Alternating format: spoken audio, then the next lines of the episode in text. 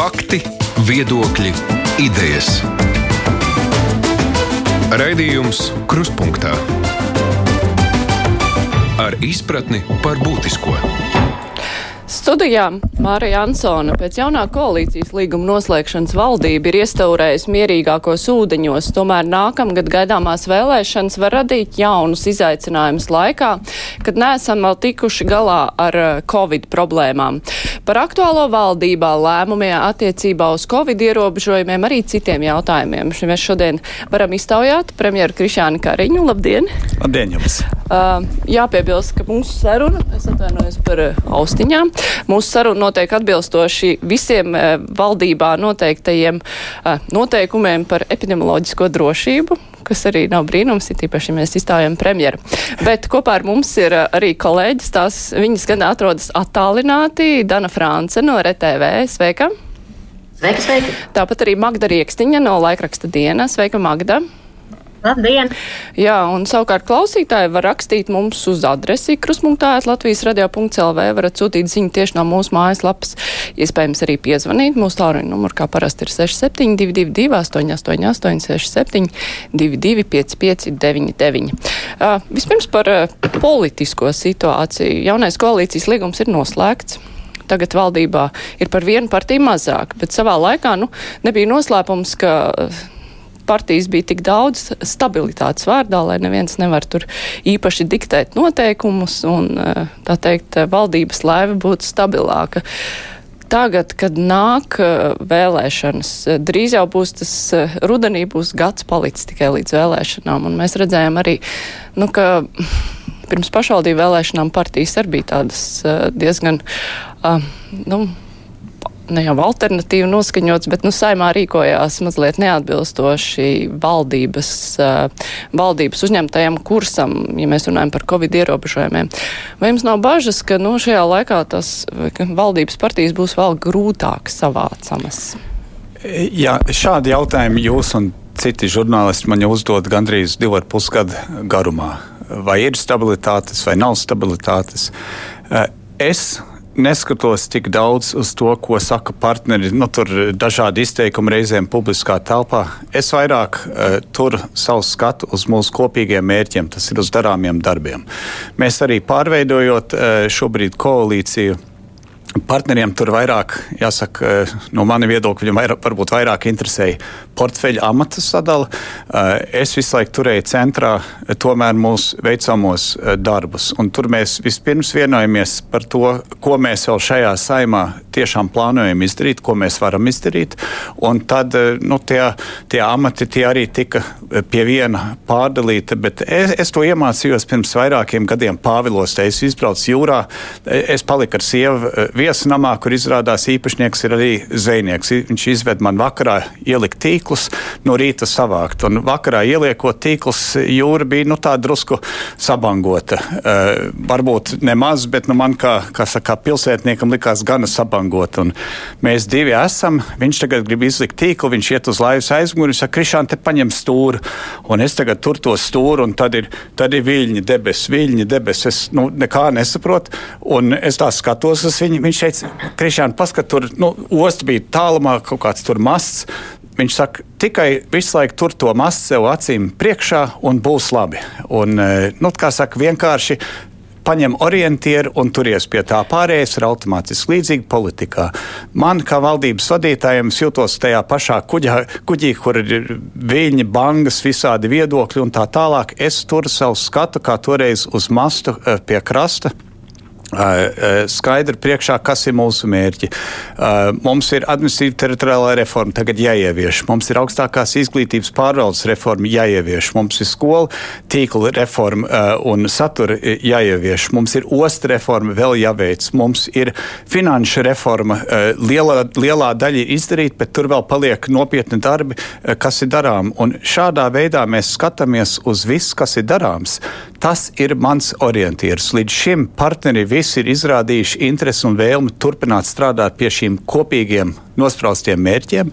Es turpināšu vadīt to kuģi, neskatoties uz visām bankām. Bet, kad jaunais labklājības ministrs eh, uzreiz pēc vēlēšanām Twitterī ierakstīja to nu, diezgan uh, dīvaino piezīmi par Eiropas naudas dalīšanu, ko viņš pēc tam izdzēs, bet eh, nu, pēc tam jūs diezko asi nevērsāties pret viņu. Jūs bijāt diezgan saudzīgs. Tas nav nu, arī tāpēc, ka, lai nekaitinātu jauno konservatīvo partiju, kuru nu pat saņēmušu amatu. Uh, Paklau, jauns ministrs, jaunā amatā, pieredzes runāt kā brīvs deputāts, uh, izteikt visu, ko domā, vai nu tam ir pamatojumi, vai tam nav pamatojumi. Uh, ātri vien saprat, ka kā valdības ministrs tomēr viņš runā valdības vārdā un tā nevar. Tas, ko viņš teica, protams, ir absurds. Ne tas notiks, ne, ne, ne valdība šādā, jebkura valdība tādā veidā ne, nevar strādāt. Ko man rēģēt uz tādu? Nu, es to vairāk uzskatu, ka uznāca vilnis drusku apšakstīja laivu. Nu, tas jau neko nemaina. Labi, kolēģis Dana. Jā, ja jau par politiku, tad eh, kopš tām pašvaldību vēlēšanām ir pagājušas 11 dienas, un pēc tam mm, jūs pats teicāt, ka jāveic pētījums, lai noskaidrotu, kādēļ tad ir bijusi tik zema iedzīvotāja aktivitāte. Sakiet, cik tālu ir ši, šis process, lai tad nonāktu līdz pētījuma rezultātiem, bet otrs jautājums ir mums um, Centrālās vēlēšana komisijas bijušais priekšsādātājs Arnis Cimdars RTV stāstīja, ka nevajag ieslēgt, iespējams, izslēgt iespēju par obligātu dalību vēlēšanās. Kā tas ir dažās citās Eiropas valstīs? Vai jūs arī tīri teorētiski pieļautu šādu ideju? Paldies! Eh, paldies jums par jautājumu. Eh, uz pirmo daļu eh, tas ir pasūtīšanas pētījums, ir pasūtīšanas stadijā. Mums valstī ir noteikts visādas procedūras, kur, kur, kurām jāiziet cauri. Galvenais, ka ne jau valdība vai mēs politiķi paši lemsim vai spriedīsim, kāpēc cilvēki darījuši tā vai tā. Man arī tieši personiski, ne tikai kā valdības vadītājiem, liekas ļoti svarīgi saprast, kāpēc cilvēki nav piedalījušies vēlēšanās, lai mēs varētu iespējams pieņemt pieņemt kaut kādu rīcības uh, maiņu, lai, teiksim, uz nākamām saimnes vēlēšanām šo situāciju mainītu. Par to, vai vēlēšanas būtu vai nebūtu kā obligāts nosacījums, e, es tiešām par to neesmu daudz domājis. Nu, ziniet, es šobrīd nekā e, īpaši izslēgt e, nevēlos, bet teikt, ka es, e, piemēram, uz to virzos, vai ka mums būtu bijusi jebkāda diskusija, mums nav bijusi nekāda ne, ne, ne, ne, ne partija apvienības iekšienē, ne valdības, kā saka, nu, sadarbības sanāksmēs, neformāli, formāli. Mums, mēs vienkārši par to neesam runājuši. Visi, protams, apsvērams, bet galvenais ir saprast, kāpēc. Magda? Šajā te valdības pašreizējā variantā ir tāda interesanta situācija ar ekonomikas ministru, kuram nācās no amata aiziet, mainot partiju, bet tomēr tagad ekonomikas ministrs Jānis Vitsenbergs turpina strādāt. Kā jūs vispār pandēmijas laikā vērtējat ekonomikas ministra darbu? Vai tā partijas maiņa ir pietiekams iemesls, lai konkrētais ministrs paliktu šajā amatā? Jā, paldies. Nu, es nevēlos komentēt viņu Uh, partijas piedarību vai, vai viņa paša iekšējo pārliecību, lai viņš pats uh, par to atbild. Uh, kā valdības vadītājs un komandas nu, kapteinis, veidotājs, es varu teikt, ka ekonomikas ministrs pandēmijas laikā faktiski ļoti viegli iekļāvās komandā. Viņš un viņa vadītā ministrija labi iekļāvās un palīdzēja atrast risinājumus, kas bija nepieciešams visādos dīkstāvu un citu veidu pabalstos. Par, par, no, no tāda profesionālās darbības viedokļa man sūdzība nav. Šobrīd šobrīd viņš ir uh, aktīvi pieķēries pie tā, uh, ko es pats to saucu par reindustrializāciju vai jaunu eksporta spējīgu uzņēmumu veidošanās, jaunu labi apmaksātu darbietu izveidošanu Latvijā. Viņš strādā ar savu ministriju Eh, pie dažāda veida veicināšanas, iespējams, atbalsta instrumentiem, kurus mēs varētu izmantot, lai īstenot šo kopīgo mērķi. Tātad man no tāda viedokļa sūdzība nav. Cilvēks viegli iekļāvās komandā, īpaši ņemot vērā, ka viņa pirmā klātienes valdības sēde bija laikam pirms pusotras nedēļas, ka mēs paši sākām. Viņš, viņš bija pirmais un vienīgais ministrs, kas bija nostrādājis gandrīz gadu, nevienu reizi nenākdams klātienē uz ministru kabineta sēdi pandēmijas dēļ. Neskatoties uz visu to, viņš uh, spēja iekļauties komandā. Man liekas, ka tā ir arī svarīga uh, īpašība. Mhm. Kolēģi, par valdības stabilitāti ir vēl kādi jautājumi? Par stabilitāti ne, bet par ēnu ekonomiku un biznesu. Jā, Dana, tad turpini, jā, mums klausītāji jā. arī jau ir rakstījuši daudz jautājumus par šo tēmatu. Dana, jā, tieši šobrīd tad ir jaunākie prezentācijas dati nāk par pētījumu dati par ēnu ekonomiku, un tas signāls ir, ka nu, ir atkal kāpus ēnu ekonomika 1 līdz 2%. Klāt, aplūkšņa algas ir tā lielākā daļa problēmas stāsts.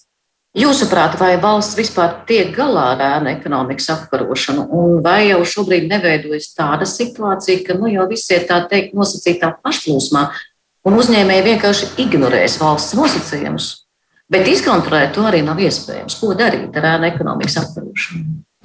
Eh, jā, paldies. Man liekas, šis ir jautājums, ko jau eh, desmit gadus, ilgāk, 15 gadus eh, cenšas arī visādi speciālisti atbildēt, kas ir pareizākais, ko darīt. Viens ir skaidrs, ka mūsu legāli nodarbināto algas nodoklis, nodokļu sloks ir salīdzinoši liels, ja mēs salīdzinām ar mūsu kaimiņu valstīm, ar ziemeļu valstīm.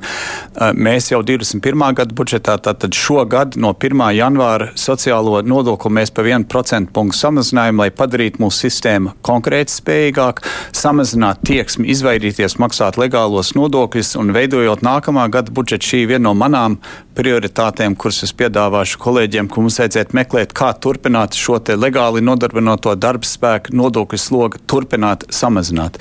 Arī, eh, cik es esmu lasījis no ekspertiem, šis ir eh, viens no pasākumiem, kas ir svarīgi. Tātad mazināt tieksmi, eh, izvairīties no nodokļiem, vienlaikus samazinot, nu, samazinot nodokļus, tādā varētu teikt otrādi, samazinot nodokļu slogu, mēs samazinām tieksmi izvairīties no nodokļiem. Bet ir vēl virkni virkni eh, citas lietas. Eh, otrs ir reformas. Tātad, eh, ko cilvēks saņem par savu nodokļiem samaksāto naudu.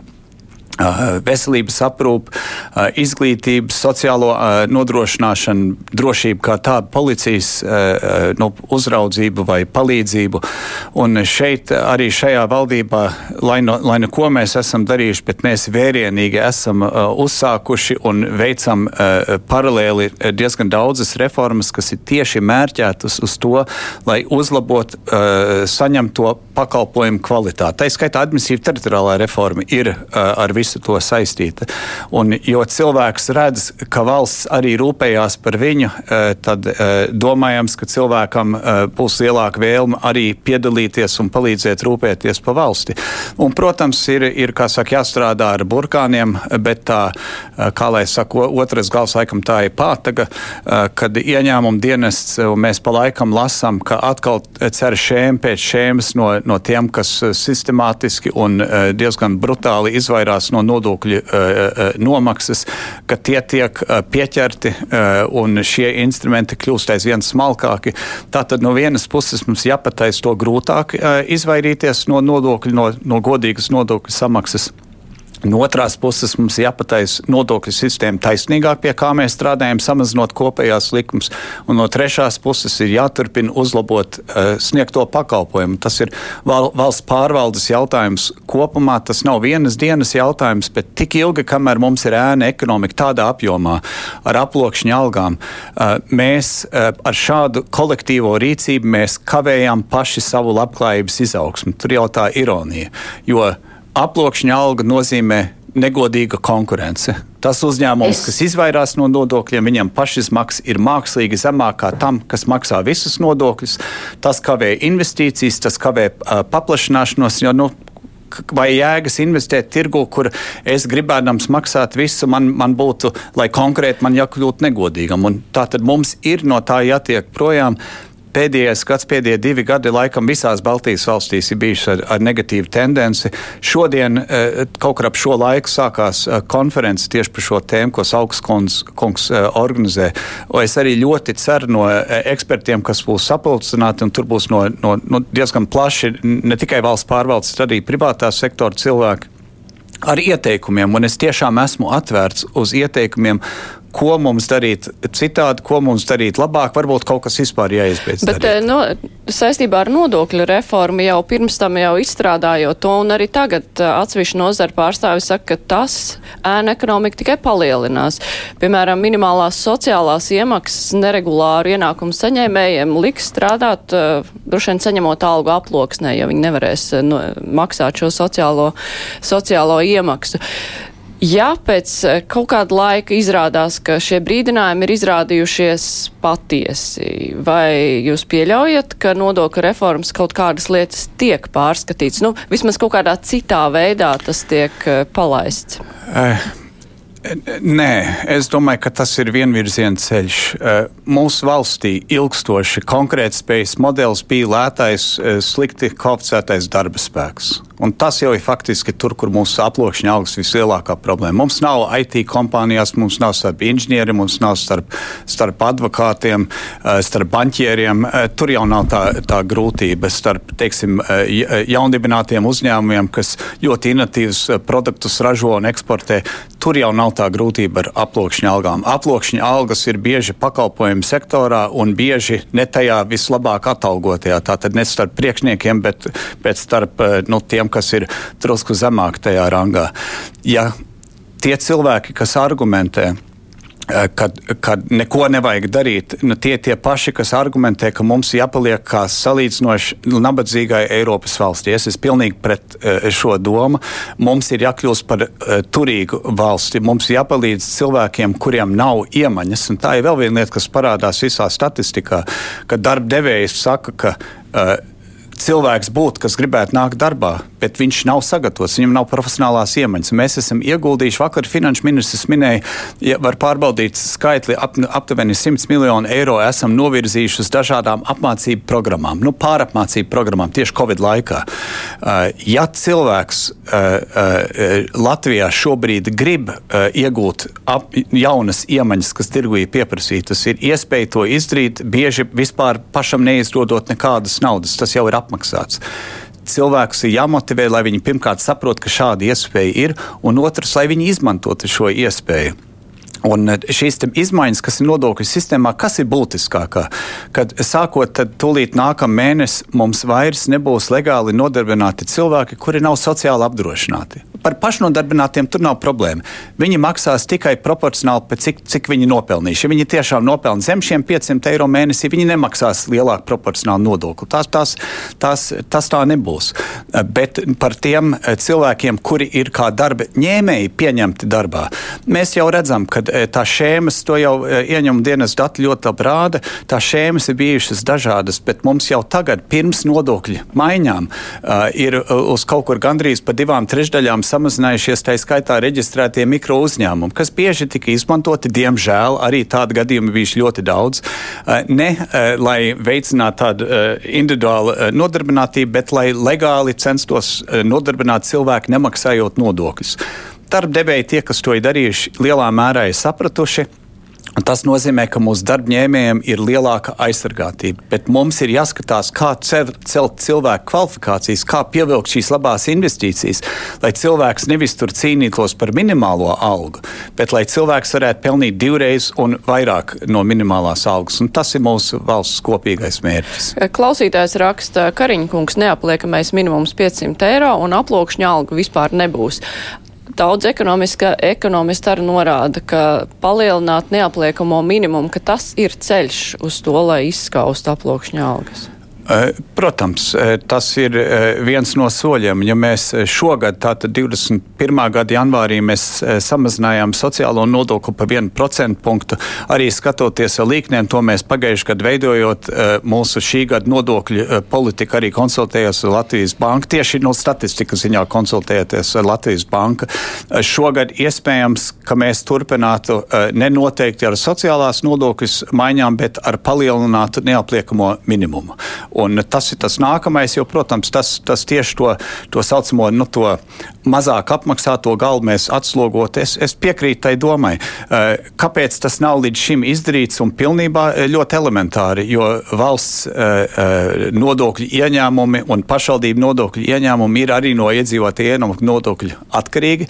Ja mēs paaugstinām šādu neapliekamo minimumu, tas samazina budžeta ieņēmumus. Un tam mums jāskatās, kā sabalansēt pārējo budžetu. Bet šis ir virziens virziens, kurā mēs jau esam šogad strādājuši. Tātad mēs pazeminājām sociālo nodokli, un e, viņš ļoti labi padara mūsu līkni e, vai kopējo nodokļu likmi pret jebkuru algas kategoriju e, konkrēti spējīgāka Lietuva un Igaunija. Un šogad, ja mēs skatāmies uz nākamo gadu, paaugstināt neapliekamo minimumu. Protams, tur ir saka, divi zaķi ar, ar vienu šāvienu. Tad mums būtu ne tikai konkrēti spējīgāka nodokļu sistēma, bet tas būtu vēl viens uh, rīks, kā mēs varētu samazināt uh, tieksmi nemaksāt pilnu nodokli. Kolēģi?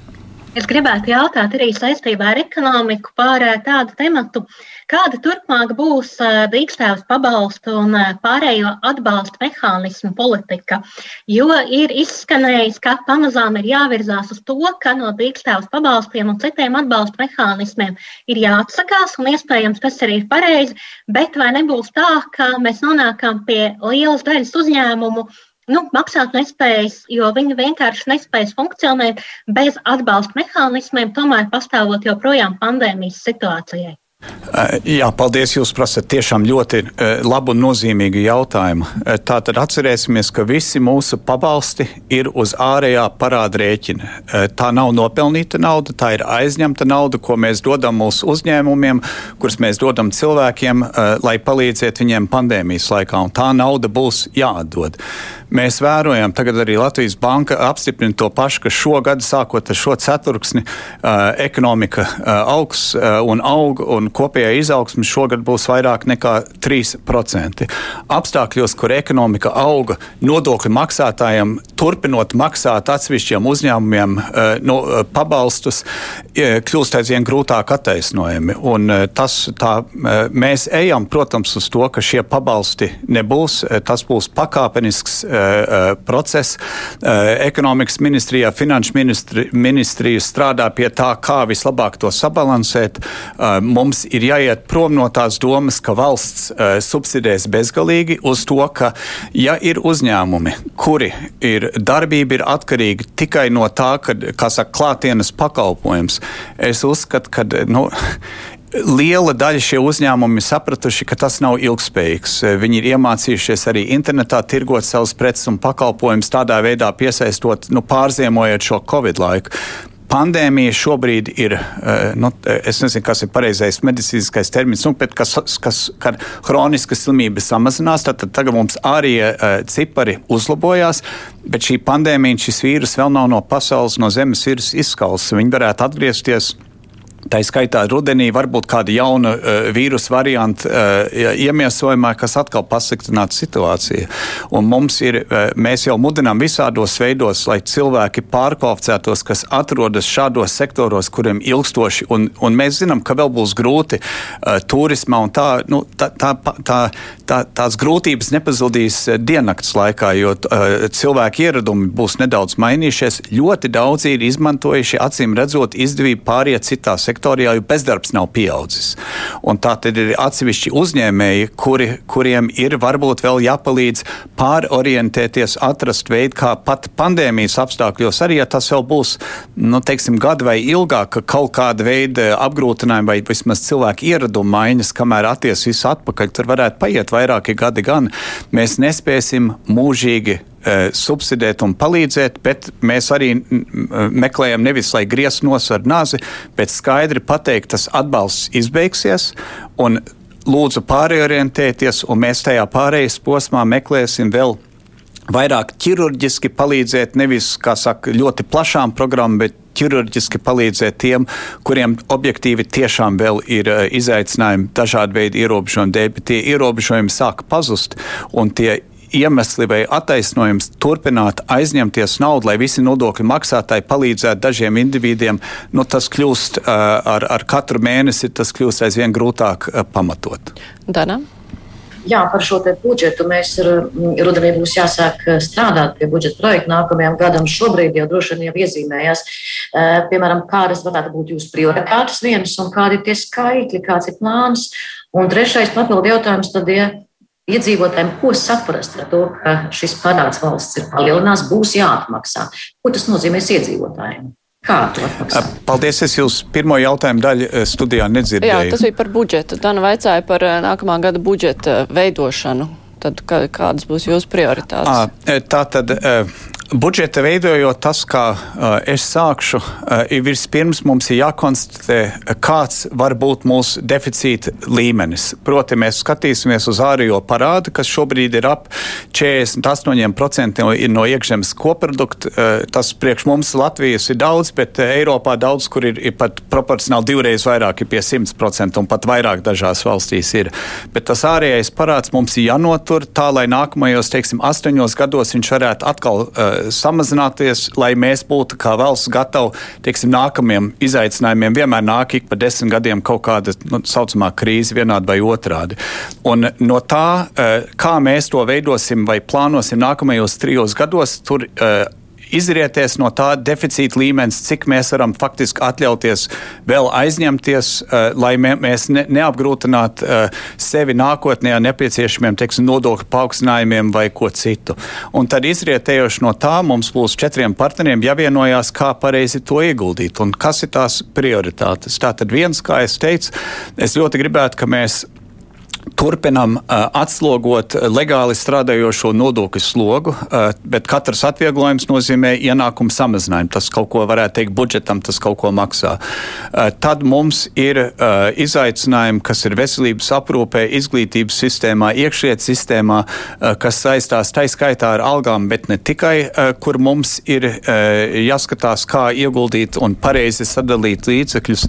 Tad mums jāskatās, kā pētniecība un attīstība, tātad mūsu zinātni mēs varam arī attīstīt. Ja augstskolas pārvaldes reforma ir kā mēs varēsim, teiksim, nākamajos piecos gados padarīt spēcīgākas dažas mūsu augstskolas, bet mums ir arī jāskatās trāpīgi, kā pareizi investēt naudas, lai nu, šīm reformām būtu arī ekonomisks labums mums visiem. Mums ir visas šīs prioritātes kopā jāsalāgo un, un jāatrod labākais risinājums. Bet tas, tas, tas ir eh, maldīgi domāt, ka mēs varam bezizmēra aizņemties, jo visa tā nauda būs jāatdod.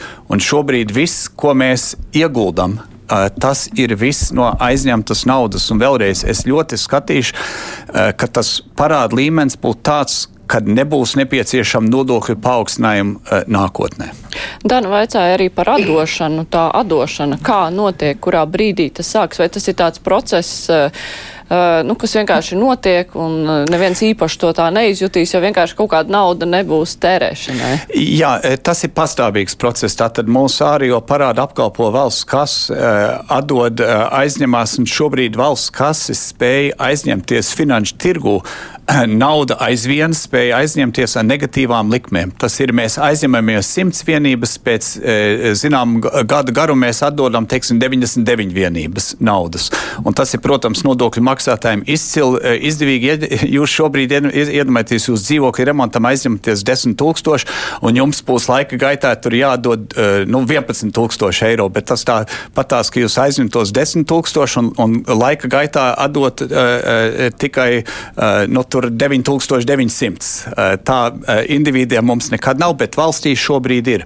Un, uh, tur ir visa tāda, nu, savā ziņā smalka, bet pēc idejas vienkārša aprēķināšana, ka mums ir jāpa, jāpanāk tas, ka mūsu ekonomika aug straujāk nekā aug mūsu parāds. Un ar lielāku ekonomiku, ar to pašu nodokļu likumu mums ir lielāki ienākumi un vieglāk atmaksāt parādu. Un tad, ja mēs noturam labu kredītreitingu, ka ārējie tirgi mums uzticās, ka mēs esam stabila valsts, stabila valdība, stabila politika, ko līdz šim, starp citu, augsti, augsti novērtē, mums tik labs reitings nav bijis vispār mūsu atjaunošanas vēsturē kā šobrīd. Mums no malas vismaz ļoti pozitīvi novērtē. Un tāpēc mēs varam šīs negatīvās likmes, ja mēs notaram to reitingu, tad mums nebūs uh, lielākie procenti. Bet, ja, ja no malas vērtēs, ka valdība ir izšķērdīga, tas uh, tulkojums ir, teiks, labi, jūs varat būt izšķērdīgi, tagad jūs nemaksāsiet negatīvas likmes, jūs sāksiet maksāt pozitīvas, un tas nozīmē, ka katru gadu budžeta pozīcija izdevuma postens procentu maksājumi sāks pieaugt. Un tā tad man jāstrādā, lai procentu maksājumi nepieaug, jo mums ir labs reitings. Man jāstrādā pie tā, lai mums auga ekonomika kopumā, kas nozīmē investīcijas. Man ir klausītājs jautājums, kas daļai attiec ar uz nākamā gada budžetu. Vēlos lūgt Kariņa kunga komentāru par savu partijas biedru finanšu ministru Jāņa Rēra izteikumiem de facto saistībā ar jauno onkoloģijas plānu 22. un 24. gadam. Viņš sacīja, ka tā esot politiķu un ierēģņu atbildība sabiedrības priekšā informēt par sasniedzamiem mērķiem, nevis uzbūvēt gaisa pilis. Klausītāji raksta, ka onkoloģijas plāns nav nekāds gaisa pilis, tās ir tā ir reāla nepieciešamība pacientu dzīvības cenā, vai Rēra izteikums ir mājiens ar slotas kātu, ka naudas nebūs, un varam nes nesapņot, piemēram, par inovatīviem medikamentiem, kas būtiski paildzina dzīvildzi un samazina komplikācijas, par pēcecīgu vēža ārstēšanu, saulēcīgu palīdzību slimības atgriešanās gadījumā un tā tālāk. Paldies. Es, es atvainojos, es tieši nedzirdēju, ko finanšu ministrs konkrēti teica, bet no jautājuma es apmēram noprotu. Redziet, tas jautājums nav, vai viena vai otra vajadzība ir attaisnojama vai nepieciešama. Protams, tā ir nepieciešama. Jautājums, cik no, kā, no tā, kādā laika gaitā mēs varam atļauties. Ja es pareizi atminos, uh, to es lasīju masmedijos, es neesmu ar veselības ministru par šo vēl runājis, uh, tas kopējais pieprasījums ir vairāk kā 300 miljonu uh, eiro. Tas ir, ir ievērojama summa. Un, nu, tā, tas, nu, tas ir viens procents no mūsu koprodukta.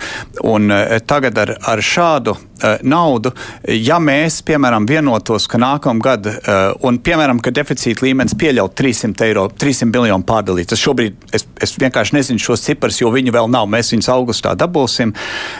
Ir jautājums, vai tā būtu mūsu vienīgā prioritāte. Tā tad neko mediķiem pašiem, neko policistiem. Mm, atliksim vai aizmirsīsim, piemēram, par neapliekamo minimumu pacēlumu, liekam visu tikai uz šo. Ja šāda vienošanās būtu valdībā un sabiedrībā, iespējams tas ir izdarāms. Mans minējums, ka būs ļoti skaļas balsis, kas teiks, protams, tas ir svarīgi, bet arī citas lietas ir svarīgas.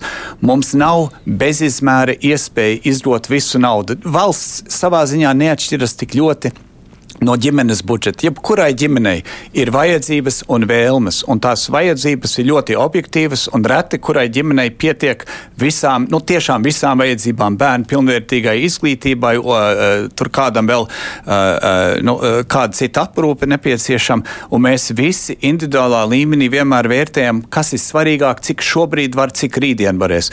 Valstī mēs jau darām to pašu. Tātad, protams, ja es tik varētu uzburt neiz, ne, neizmērāmas naudas līdzekļus, es sakārtot visus ceļus, es sakārtot visas slimnīcas, onkoloģiju un tā tālāk īstenībā mums būs jāmeklē, kā līdzsvarot. Bet es, piemēram, uz, es uzskatu, ka šī ir ļoti nopietna lieta, kas ir jārisina. Jautājums ir, cik no tā mēs varēsim nākamgad risināt, un cik veselības aprūpas sistēma ir, ir iespēja uh, uzlabot savu efektivitāti, lai ar mazāku naudu sasniegtu to pašu rezultātu tur. Tātad pašā veselības aprūpas sistēmā ietaupīt naudu citur, lai varētu pārvirzīt vairāk onkoloģijai. Un es domāju, ka tur jāstrādā no abiem galiem valsts pārvaldei ir jākļūst efektīvākai, un, protams, mums te būs jārunā. Vai šī prioritāte ir pirmā, otrā, vai viņi ir līdzvērtīgi, teiksim, divām, trim citām? Un tas būs diskusija jautājums. Labi, es atgādināšu klausītājiem vēlāk arī Latvijas televīzijas skatītājiem, ka šodien kopā ar mums ir premjeras Krišāns Kariņš un arī kolēģis Magda Rieksniņa no laikraksta Diena un Dana Franci no RTV. Mēs tulīt turpināsim.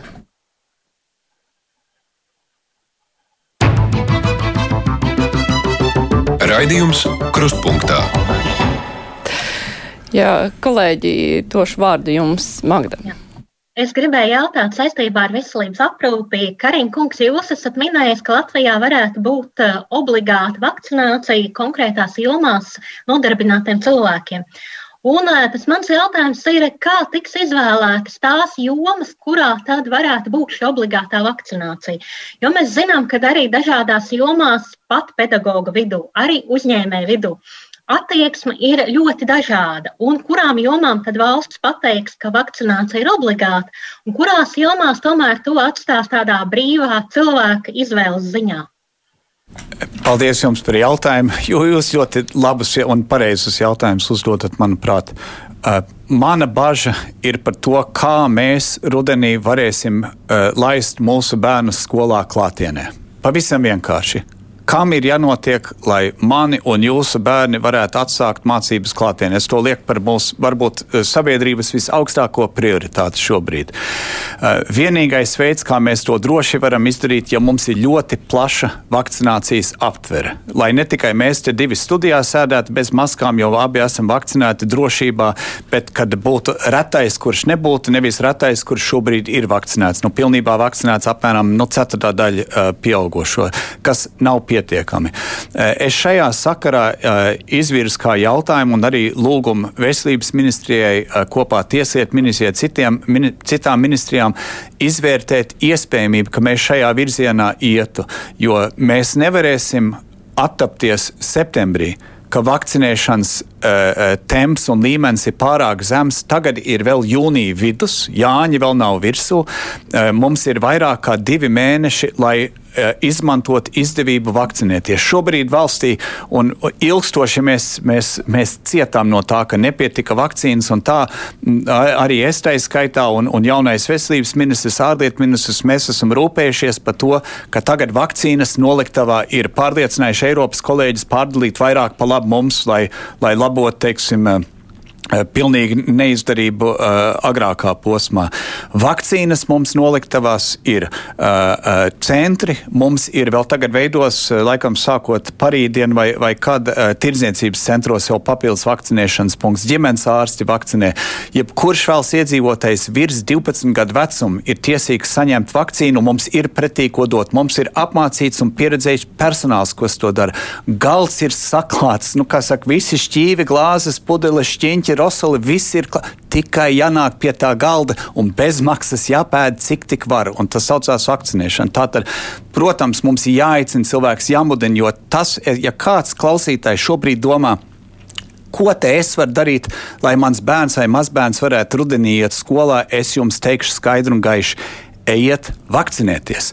Tas ir tas, ko mēs katrs varam darīt, lai mūsu bērni, lai mūsu kaimiņu bērni, lai mūsu rada bērni varētu turpināt pilnvērtīgi apgūt savu izglītību. Vakcinēsimies, jo ja, ja visi vakcinēti skolotāji, vecāki, vecvecāki, Vīrus jau nekur nav pazudus un būs saslimstība, diemžēl, bet viņai nebūs kur ieskrieties. Mums vajag, lai nenonāk slimnīcās un lai neaug mirstība. Bet jūs ieskatā, kuras tad ir tās grupas, kurām obligāti bez uh, atrunām ir jāvakcinējas un kādas varbūt sankcijas par to atlaišana? Es aicinu šobrīd uh, attiecīgām ministrijām domāt par to, kādas varētu būt tās jomas. Nu, mums ir jomas, kur mēs zinām, ir uh, cieši un ilgstoši kontakts iekštelpās, uh, taiskaitā pedagogiem, pirmskolas pedagogiem, taiskaitā ārstiem, taiskaitā sociālās aprūpas darbinieki, īpaši tiem, kas strādā sociālās aprūpas centriem, faktiski jebkuram, kas tajā centrā strādā. Uh, šie cilvēki, kur mēs esam redzējuši šajā pandēmijas laikā, kad slimības izplatās tie tieši šādās vietās, sākotnēji slimnīcās, pirms ārsti bija pietiekami vakcinēti, skolas bija eh, milzi perēkļi, tieši arī skolotāji eh, starpā eh, sociālā aprūpas centri, nu tur ir bez, bez, bez vārda runas, tur bija šausmīgas problēmas. Tie cilvēki, kas, teiksim, nu, dzīvo sociālā aprūpas centrā, cilvēks pēc definīcijas viņš jau var saslimt tikai, ja kāds atnes. Bet, ja visi potenciāli atnēsātāji ir vakcinēti, tad jau nevar šī slimība izplatīties. Tā ir, ir šāda veida darbība, kur ir cieši un ilgstoši iekštelpu kontakts, kad būtu vērts apsvērt, ko mēs vēl varam darīt, lai nodrošinātu, ka pēc iespējas visi būtu vakcinēti. Bet nu, jūs pieminējāt, piemēram, sociālās aprūpas iestādes, kur jau tā trūks darbinieku. Nu, ja tie cilvēki nevakcinējas, nu, viņus tad, pieņemsim, atlaidīs. Kā, tie, kā tās iestādes funkcionēs tālāk? E, es, es neesmu tik pārliecināts, ka vienmēr visi iet tādās galējās, e, galības pieņēmumos, nu, tur atteiksies un, un tā. Es visu laiku ņemu to pašu piemēru no sevis. E, nu, tā ir anekdote, bet tā viņš ir. Mums vairāk bērni ir, un pie bērnu dzemdībām es arī gribēju piedalīties, kā man liekas, tagad ir pilnīgi pilnīgi ikdienā. Es nevaru iedomāties, kā kāds tēvs varētu negribēt piedalīties savus, savu bērnu dzemdībās. Un, lai piedalītos, ļoti elementāra prasība lūdzu rentgenu izmaksā naudu, eh, nu, rengens ir rengens, eh, zināms starojums, eh, vispār bez vārdu runas, jo man elementāri gribi nākt uz dzemdībām Rengen lūdzu. Negrib nākt uz, negrib rengen. Lūdzu, nenāc uz dzemdībām, satiks bērnu pēc trim, četrām dienām. Un e, tas jau darbojās. Mums jau tāpatās ārstiem, lai strādātu, skolotājiem, lai strādātu, ir jau zināmas prasības. Nu, šī nav nesamērīga prasība. Tā ir prasība, kas pasargā cilvēku dzīvības un, un aptur mirstību. Nu jā, es ātri izlasīšu vienu raksturīgu vēstuli tīri saprašanai, kur klausītājs uh, norāda, ka uh, uz katra zāļa iepakojuma rakstīts zāles bez, bez ārsta norīkojuma nelietot, kāpēc uh, šīs vakcīnas uh, var lietot bez ārsta norīkojuma, ar ko tās atšķiras no citām zālēm, vai pirms vakcinēšanās kāds vispār pārbauda tā nopietni cilvēku veselības stāvokli, jo tas, ar ko mēs saskaramies, ka cilvēki blaidā, baidās no nopietnām blaknēm, nevis no citām tā, no, nevis no tādām vienkāršām, kādas varētu būt eh, pēc rengena, pēc uh, daudziem gadiem. Es jau pacelšu klausulu, droši vien, ka tur būs arī pa šo pašu tematu. Halo! Halo! Halo! Labdien, jūs esat ēterā. Marija! Jā, jūs varat uzdot jautājumu. Jā, es gribēju pajautāt par, man šokē elektroenerģija. Varbūt kādam, ja ir ienākumi tur 800 vai 1000, tad tas jautājums varbūt nebūtu tik būtisks. Bet ja tev nav 300 un ir atkal elektroenerģijas eh, pieaugums 50%, eh, nu piedodiet, kā lai dzīvo tālāk pensionārs? Lai ra raitāk es pacelšu vēl otru jautājumu un tad abus. Halo! Halo! Labdien! Drīkst jautāt? Jā, lūdzu. Halo, prezident kungs. Jā, uzdodiet jautājumu. E, bet te no Skujienas pagasta zvanam. Mums ir brīnišķīgs dakteris, dakteris Vasiljevskis, bet diemžēl viņš ir saslims ar onkoloģisko slimību. Un valsts nepalīdz ne centa. Kā tā var būt? Vai tā tiešām nav palīdzības no valsts ie, pie, ie, pieejama? Viens par elektrību, otrs par Jā, onkoloģiju. Paldies. Tātad elektrība, tas saistās ar inflāciju. Mēs šobrīd redzam, es arī pats esmu lasījis, vēl neesmu saņēmis rēķinu, kur elektrība, gāzes cenas iet uz augšu. Un tā ir tīrā ekonomika. Cik es saprotu, elektrības cenas visā Ziemeļa Eiropā iet uz augšu, jo ekonomika atla, atlapst un pieprasījums pēc elektrības pieaug, un viņa cena arī līdz ar to. Tas, protams, skar mūsu uzņēmumus, mūsu maisaimniecības mūsu strādājošos, mūsu pensionārus. Uh, ko mēs darām? Nu, mēs jau esam uh, un mēs turpināsim, teiksim, mūsu pensiju uh, indeksācija ir gājusi uz augšu un gaidāms, ka arī nākamgad viņi ies būtiski uz augšu.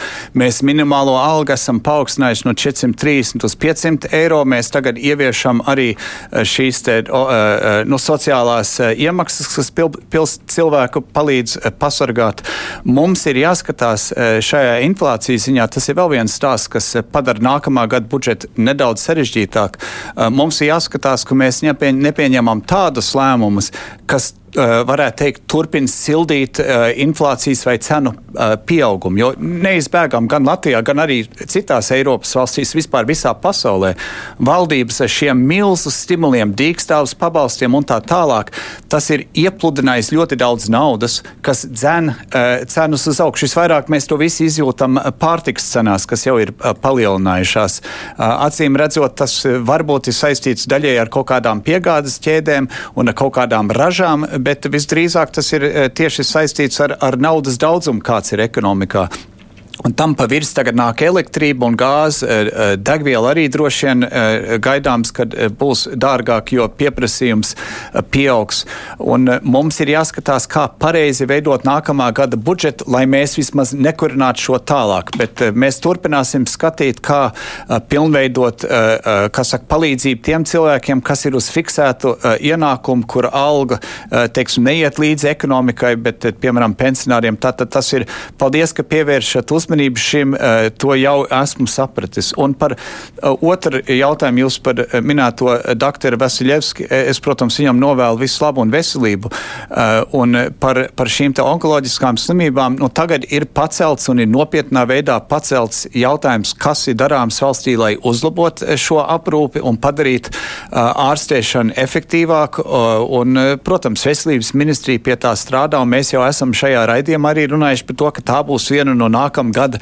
Acīm redzot, tas būs jautājums, cik mēs varēsim kādai veidā ieguldīt, bet konkrēti, kas pienākās kurām, un, un es nevaru iedomāties, ka vispār cilvēkam šobrīd nepalīdz, bet varbūt kaut ko neesmu sapratis, bet jebkurā gadījumā mums ir ilgstoši bijis nepietiekams finansējums šajā jomā, vienlaikus veselības aprūpas sistēma ir, ir tik plaši izveidot, varētu teikt, viņi ir reizēm neefektīvi. Tā tad cieši no divām grūtībām. No absolūta naudas trūkuma, bet vēl trakāk no tām naudām, kas ir ne e, obligāti efektīva izmantošana. Un tur mums iet šī slimnīcas līmeņošanas nu, optimizācijas plāns, kur es ceru, ka mēs varēsim tuvākā laikā e, koalīcijā un tad līdz ar to valdībā vienoties un virzīt uz priekšu. Mhm. Kolēģi, Dara? Jā, pēc cits temats, pēc jaunās ministras, iekšlietu ministras Marijas Kolubavas stāšanās amatā, jūs pats norādījāt, ka vienai no prioritātēm ir jābūt izmeklēšanas kvalitātes kāpināšanai.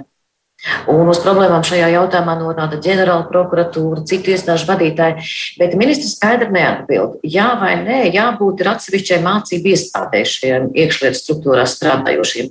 Kāda ir jūsu nostāja? Paldies! Man ar Golubevs kundzi jau pirmā saruna, pirms es viņu nominēju par eh, ministru, eh, ka viņa jau bija no partija apvienības, jau eh, nozīmēta.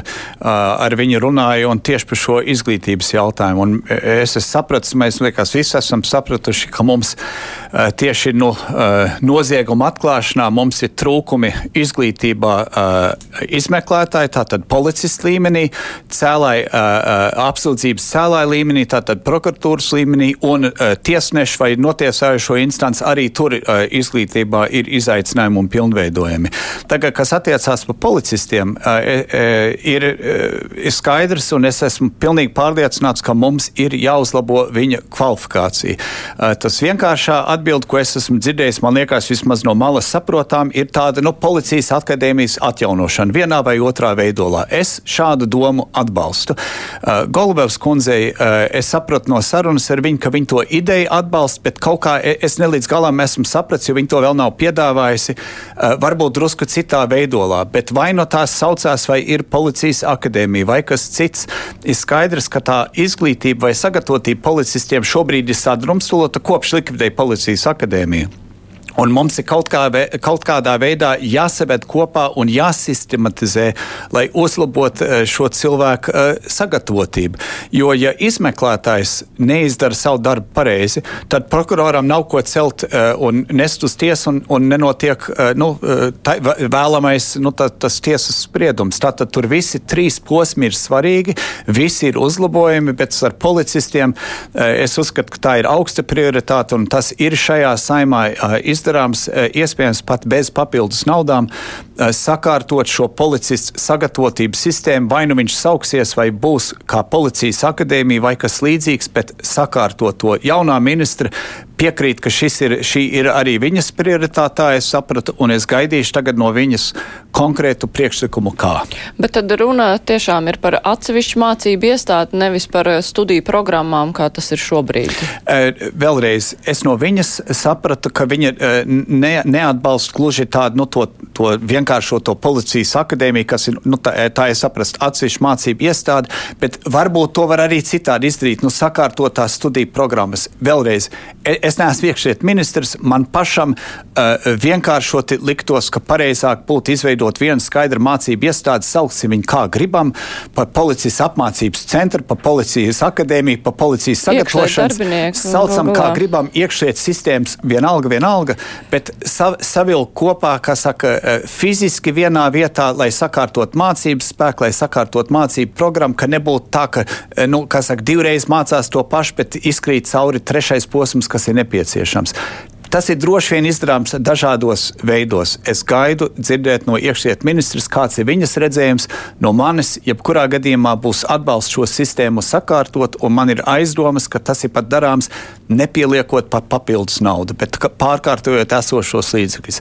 Ja jāpieliek, tad tā būtu acīm redzot arī iekšējā sistēmas prioritāte, kur mums būtu jāliet blakus jau minētāja onkoloģijai un visa pārējo. Un tad jāmēģina samērot mūsu iespēju robežās, kas ir saistīts ar ārējo parādu.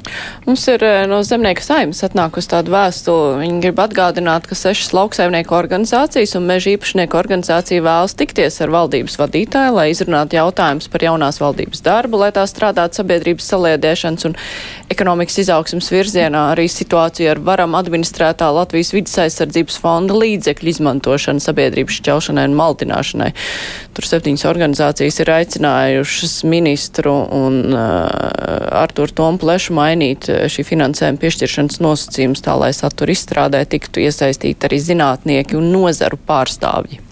Eh, jā, paldies. Es, es zinu par šādu interesi. Arī man ir interesi ar viņiem tikties. Tas ir vienkārši eh, laika un grafika jautājums, kā var iespiest. Man reizēm gribētos, ka diena nedaudz garāka, bet tad es domāju, ka līdz dienas beigām tāpat tās nogurstu, bet atradīšu eh, laiku. Es domāju, svarīgi šim dialogam būt arī man ar dažādu nozaru pārstāvjiem. Mm -hmm. Magda?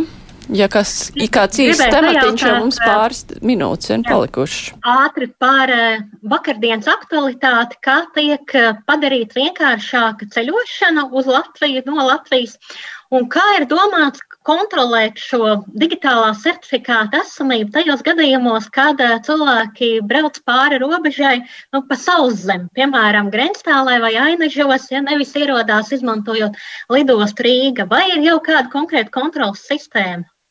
Eh, jā, paldies. Tātad ceļošanai mums eh, darbosies divas. Viens ir šis uh, Covid, kā viņš pareizās, vakcinācijas certifikāts, kas tagad, nu, laikam, viņš būs visas Eiropas. Mums jau viņš ir gatavs, bet kaut kur uz jūlijas sākumu, jā, jūnija beigām, jūlijas sākumu būs savienots ar visu pārējo vai ar vairums pārējām Eiropas valstīm, kas parāda mūsu vakcinēšanas status. Tātad pārslimojuši pilnībā vakcinēti, vienreiz vakcinēti vai uh, vismaz ar negatīvu testu, cik tur 48 stundu laikā. Uh, tas ir viens. Un otra sistēma, kas mums arī jau darbojās, viņa saucamā Covid pasi, tas ir jebkuram ceļojošam, arī man, šķērsojot mūsu valsts ārējo robežu, uh, pirms atgriešanās valstīs, aizpild diezgan ērti elektroniski, uh, kur es esmu bijis, kādu reizi es ierodos, un lai uzkrājās šie dati. Un šī sistēma mums pamatā nemainās un nemainīsies.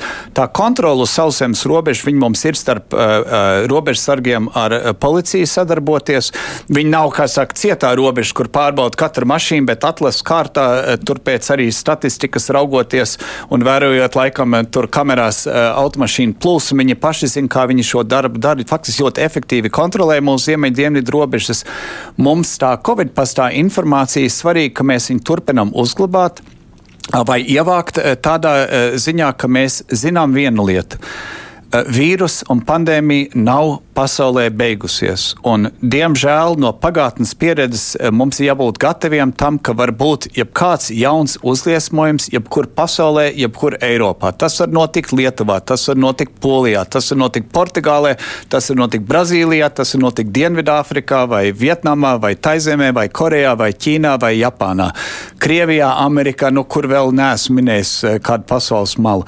Un mums ir svarīgi, ka mūsu veselības iestādes SPKC varētu, ja konstatē, ka ir bijis kaut kur uzliesmojums, iziet cauri databāzi un konstatēt, kuri ir bijuši vai nu tajā attiecīgā reisē vai attiecīgā valstī, lai sazinātos ar viņiem, viņus informēt, uzdot papildus jautājumus, lūgt viņiem eh, pārbaudīt savu veselību, varbūt arī veikt kādu covid testu, lai mēs varētu pēc iespējas ātri izķert potenciāli jaunu uzliesmojumu Latvijā.